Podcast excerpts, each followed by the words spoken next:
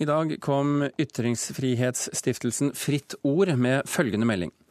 Per Fugelli får Fritt Ords pris for 2013 for å ha gitt en stemme til kreftsyke og de som står ansikt til ansikt med døden. Velkommen til Kulturnytt, Per Fugelli. Tusen takk. Gratulerer med pris. Og tusen takk.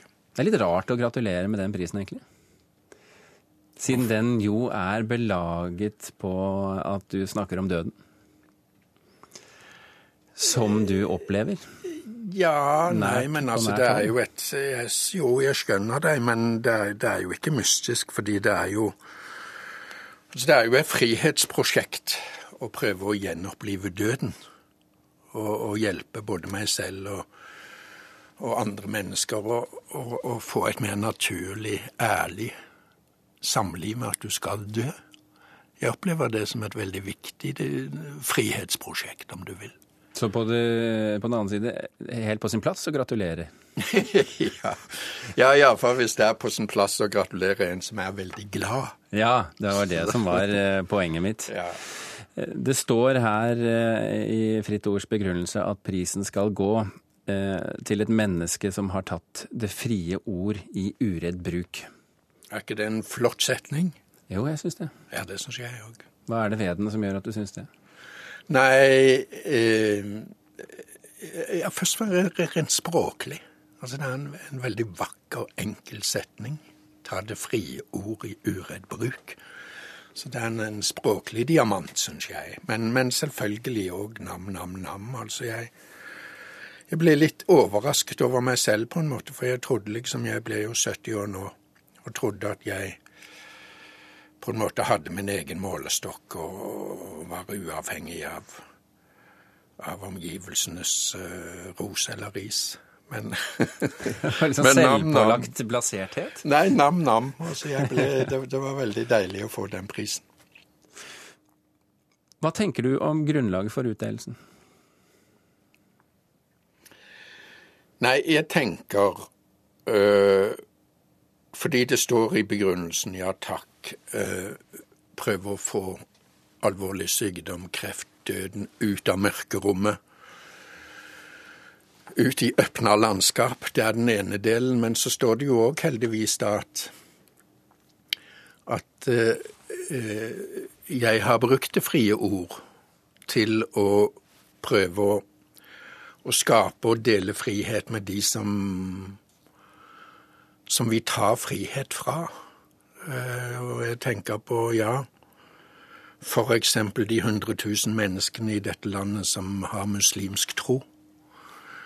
Eh, Hvor jeg har prøvd så godt jeg kan å bidra til at de skal ha frihet til å få dyrke sin Gud på sin måte, i trygghet, i verdighet ikke bli kastet mistanke eller skam på. Og det samme med romfolket nå, kanskje det mest aktuelle eksempel hvor, øh, hvor jeg har prøvd å, å bruke ord for å, å, å befri dem fra fordommer, fra å bli forfulgt med rop om brunsnegler og parasitter. Fra Siv Jensen, som roper 'deporter, deporter'. Så altså, jeg, jeg håper iallfall at, at en av de viktigste grunnene for Fritt Ord-prisen er at jeg har prøvd opp gjennom livet å legge noen milligram eller gram i, skal vi kalle det, den gode vektskålen. Og så har du jo snakket om eh, pasienters verdighet gjennom mange år, og så ble du pasient selv. Um, en kreftdiagnose som, eh, som vel fremdeles står. Ja, og det, ja, eh, det gjør den i aller høyeste grad. Eh, mm.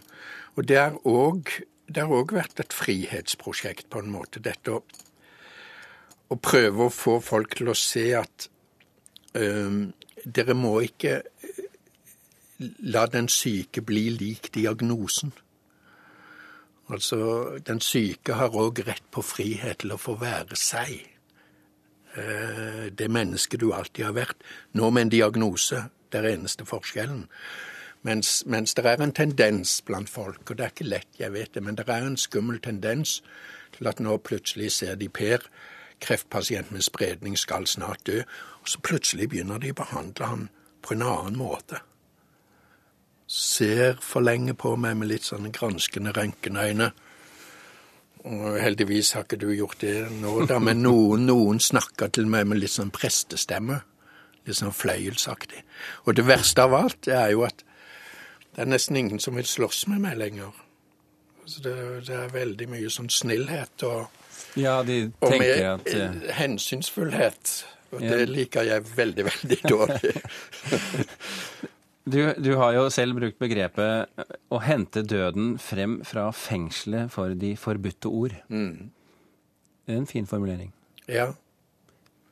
Hvordan havnet døden der? ja, det er et veldig godt spørsmål, og jeg, det har jeg tenkt mye på. Og i denne boka mi 'Døden skal vi danse' så prøver jeg å forklare det, og jeg tror korte hovedsvaret er rett og slett jeg tror at vi, vi tåler døden så dårlig fordi døden på en måte eh, destabiliserer mange av de falske verdiene vi bygger livet på. Og da tenker jeg på én overtro på vitenskap. Vi er liksom forført inn til å tro at hvis vi bare investerer nok milliarder hjerneceller og, og oljemilliarder, så kan vi nesten være Gud.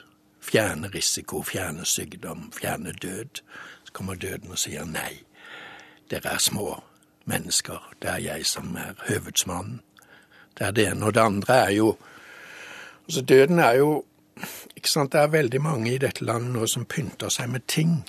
Danser rundt gullkalven, som vi sa på søndagsskolen i Stavanger.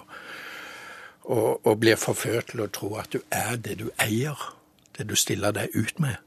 Og så kommer døden og sier i en sang du kan ingenting ta med deg dit du går. Så døden avslører på en måte rikdommens bløff. Din tid som vandrelys er snart over. Ja, det er din òg, Birger Du ja. Det er nanosekund i forskjell. Du har brukt dette begrepet som du har stjålet fra Hamsun. Vandrelys. Vi er her litt, og så er vi borte. Er det ikke vakkert? Han Ja, sier, ja, han sier, han sier, og det har vi godt av å høre, for det bør gi oss en viss ydmykhet. Han sier eh, vandrelys er vi på jorda. Kommer, skinner en stund, blir borte. Men du ser i forbasket god form ut, egentlig. Men det, altså, det er òg noe av hadde nær sagt min misjon de siste fire åra. Å bære frem et mer balansert bilde av sykdom og død. Det er ikke bare forferdelse. Og kreftdiagnose er ikke bare uhygge og lidelse. Altså jeg, med hånden på hjertet, siste fire årene, kreft som har kommet og gått, tre kreftoperasjoner, syv måneders cellegiftregime. Jeg er veldig sikker på, jeg har snakket med kjæresten min om det, og ungene mine og barnebarna, og jeg, jeg, hånden på hjertet, jeg tror disse fire årene kanskje har vært de rikeste i livet. Og det betyr at vi må befri oss fra disse fordommene om at sykdom er bare elendighet og trist. Død er bare forferdelse og styggen. Nei takk. Sykdom kan bære ti tonn helse i seg. Til og med døden kan være en helsekilde hvis vi inngår et klokt samliv med den. Prisutdelingen eh, Per Fugli finner sted eh, tirsdag 14. mai i Den norske opera og ballett. Kommer du til å være til stede? Jeg håper det. Jeg, jeg, jeg skal inn og på tirsdag i neste uke til min fjerde kreftoperasjon i venstre lunge. Det er en veldig god knivlege som skal operere meg. Så jeg, jeg, jeg tror jeg skal vare en god stund til. Og nå har du jo fått eh, en eh, bekreftelse på, utenfra også, at det du holder på med er eh, verdt mye for mange.